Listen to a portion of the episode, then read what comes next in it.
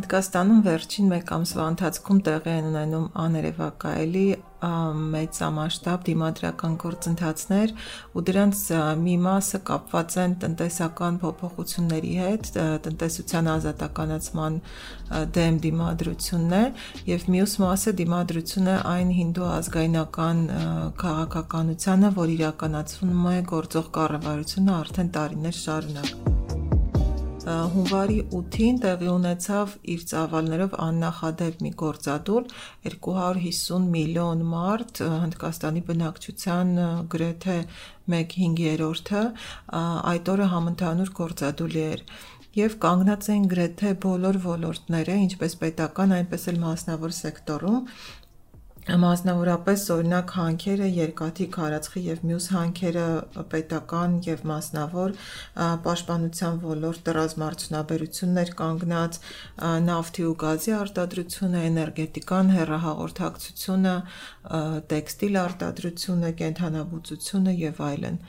Ընդ որում ասեմ, որ Հնդկաստանում գործադուլներին մասնակցելը այդքան էլ հեշտ չէ, որովհետեւ այս դեպքում օրինակ օրեր առաջ արդեն կառավարության ներկայացուցիչները սպառնալիքներ էին տեղում այն բոլորի հասցեին, ովքեր որ պետական աշխատողներ են եւ դուրս կգան գործադուլի այդ օրը։ Եվ այնուամենայնիվ իրոք մեծ քանակով մարդիկ հաղթահարելով այդ արգելքները մասնակցեցին գործադուլին։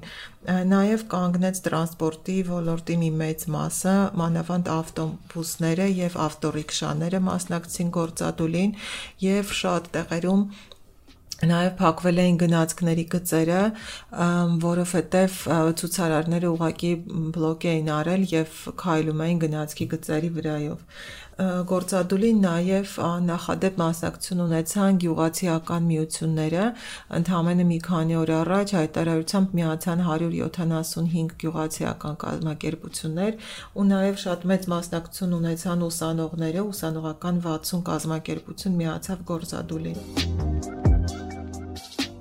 Այս գործադուլի հիմնական պահանջը աշխատավորների իրավունքների եւ աշխատանքային պայմանների բարելավումն էր, սակայն նաեւ դեկտեմբերի վերջին տեղի ունեցան իրադարձություններ քաղաքացիության վերաբերյալ օրենսդրության փոփոխությունում եւ դա նույնպես վերջին պահին արդեն ընդգրկվեց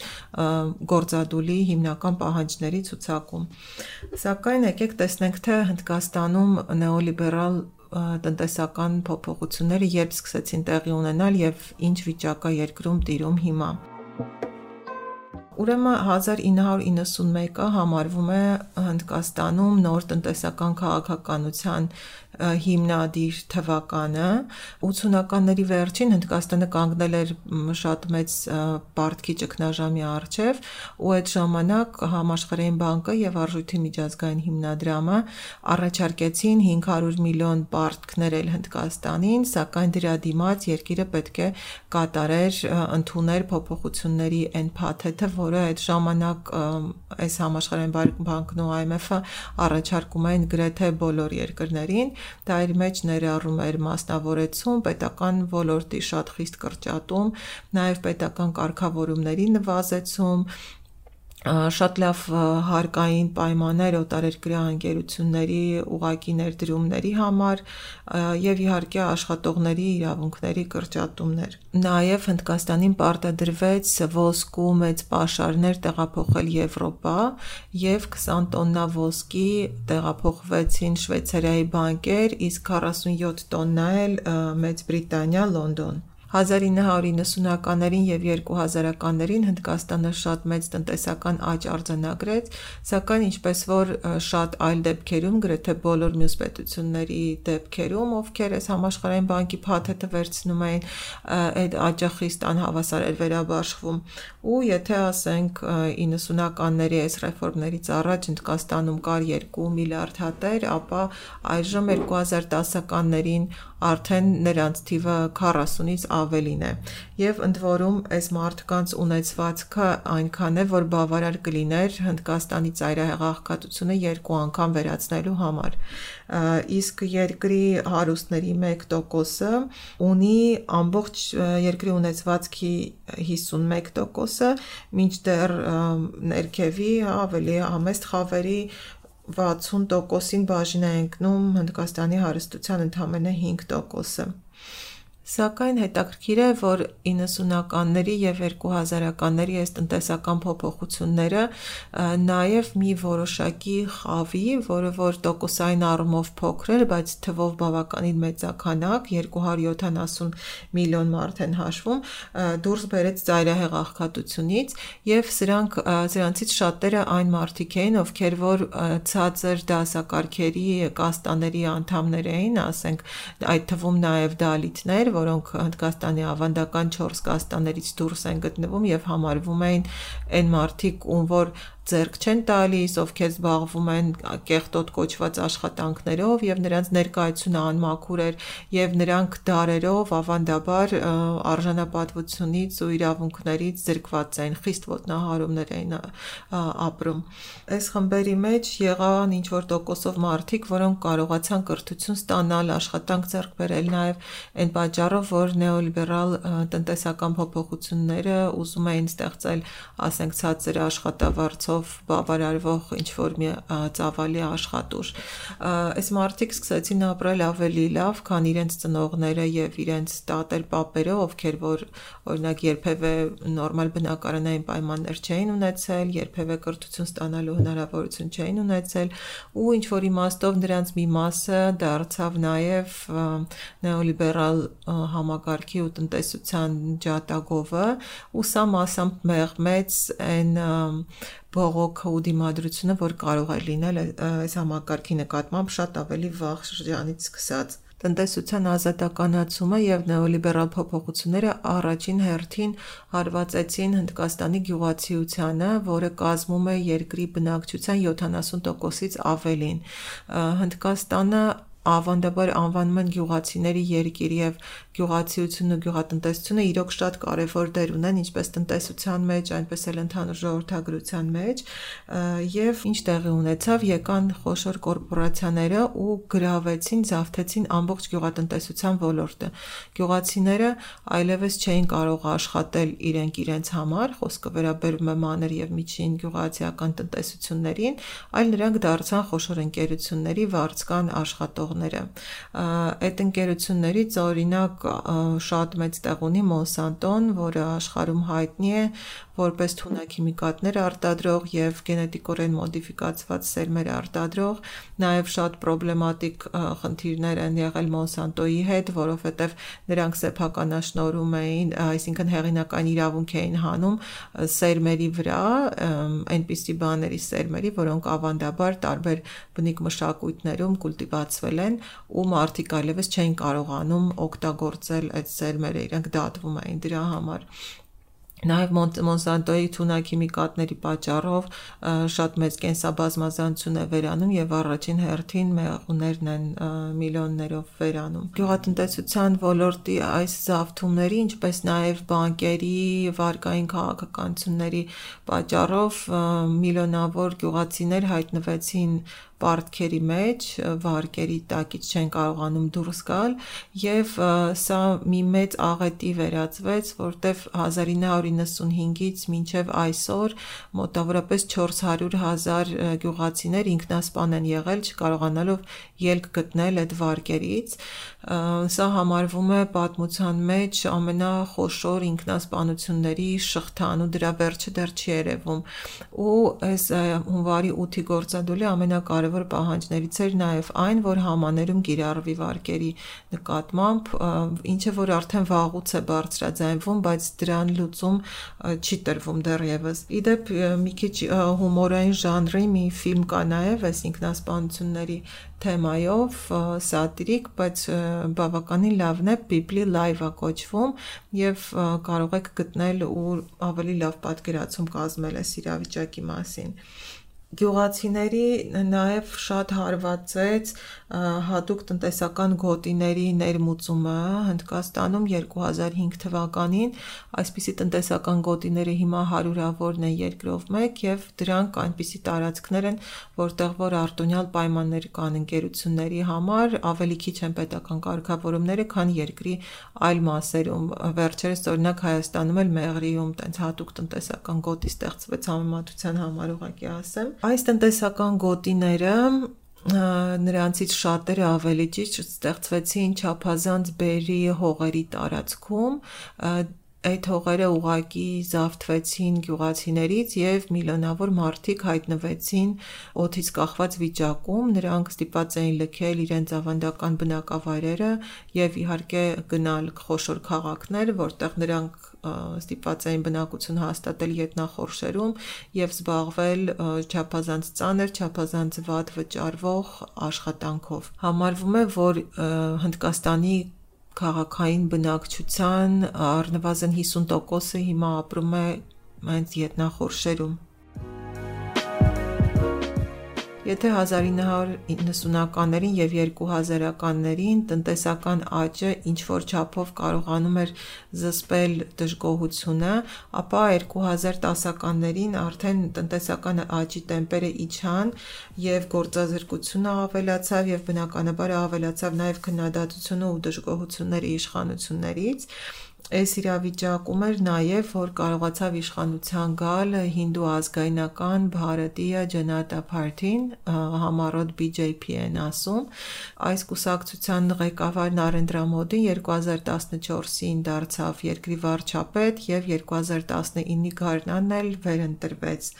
Նա վարչապետ դարձավ խոստանալով ժողովրդին հետ բերել տարիներ շարունակ երկրից գողացվող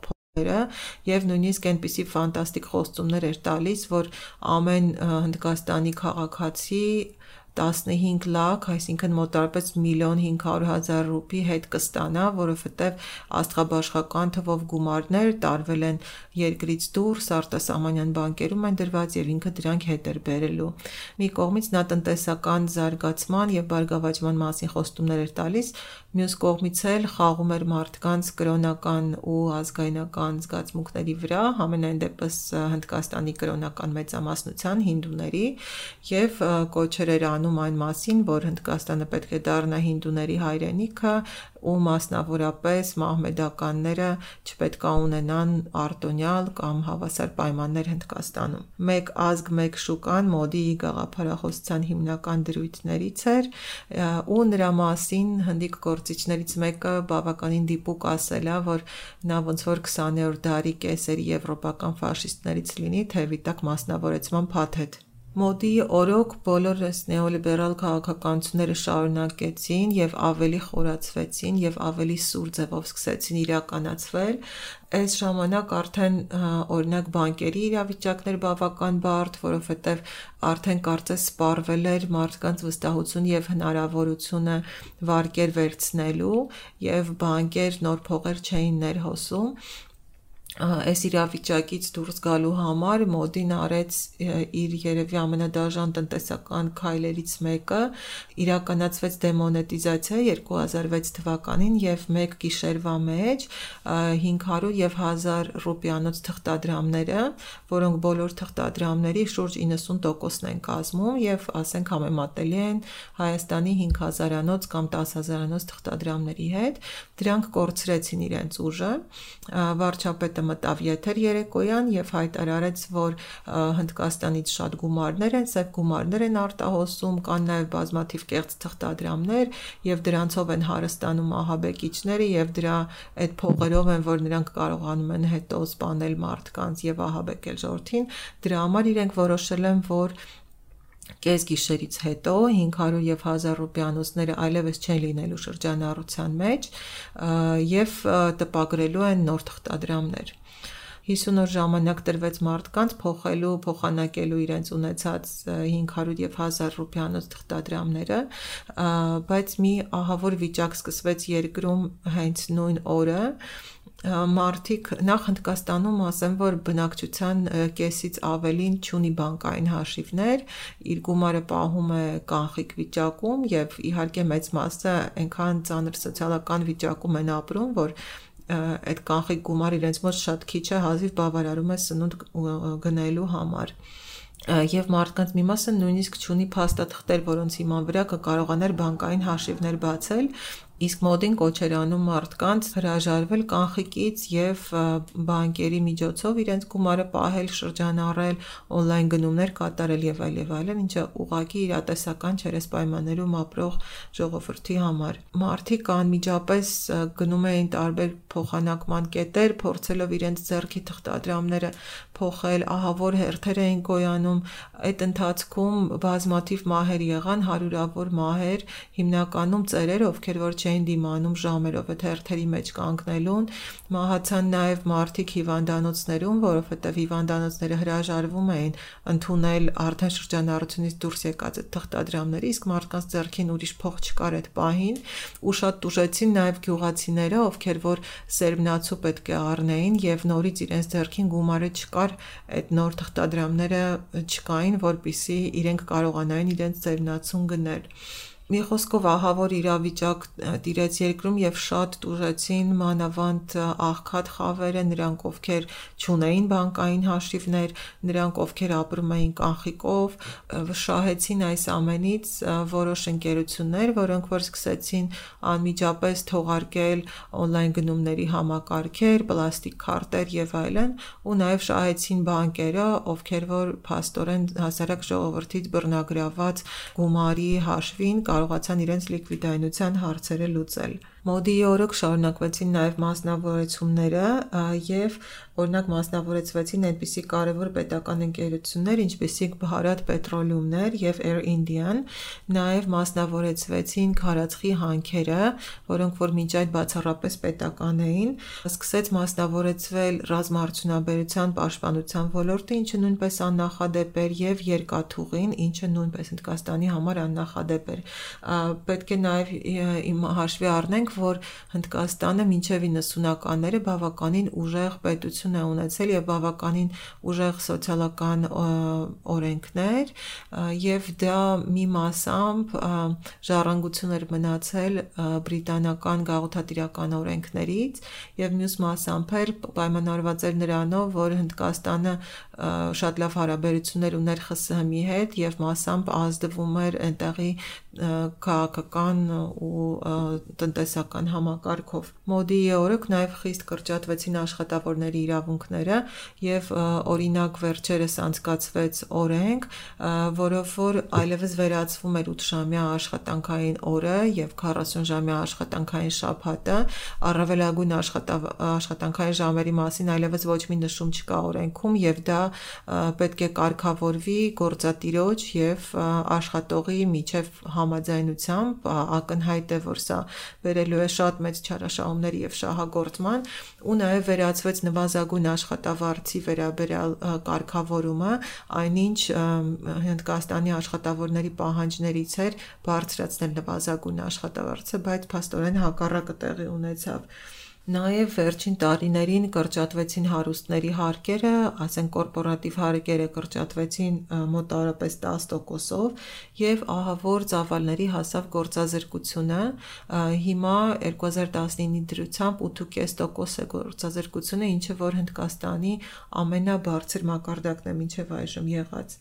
Նաև շատ մեծ գնաճ տեղի ունեցավ, օրինակ բրինձը թանկացավ 14%-ով, ցորենը 56%-ով եւ սա չնայած այն բանին, որ 2018 ու 19 թվականները շատ բերի տարիներ են եղել եւ երկրի մեծ մասում գյուղացիները ստացել են երկու անգամ ավելի շատ բերք, քան միջինում է, բայց սա որևէ ձևով չի անդրադառնում գյուղացիների եկամուտների վրա, որովհետեւ ինչպես արդեն ասացի, նրանց մեծ մասը ստիպված է աշխատել մեծ կորպորացիաների համար եւ ուղակի աշխատավարձ ստանալ, որը չի ավելանում։ Այսպիսի վատթարացող տնտեսական իրավիճակում ինչ որ իմաստով նաև հուսահատ տնտեսական իրավիճակում տեղի ունեցավ հունվարի 8-ի համընդհանուր գործադուլը եւ հիմա Հնդկաստանի արմիությունները քննարկում են նաև անժամկետ համընդհանուր գործադուլ կազմակերպելու հարցը, ինչը նրանք արդեն սկսել են կազմակերպել, սակայն ամիսներ կտևի հավանաբար, մինչև մինչև այն իրագործվի։ Այնուամենայնիվ սա շատ ուժեղ ուժեղ քայլեր եւ հուսանք, որ իրոք ոչ միայն տնտեսական, այլև քաղաքական փոփոխություններ կբերի, մանավանդ որ զուգահեռ է ընթանում քաղաքացիության ակտի փոփոխությունների դեմ պայքարին, որի մասին ես կխոսեմ աշխարհի ցույցերը շարքի հաջորդ էպիզոդում։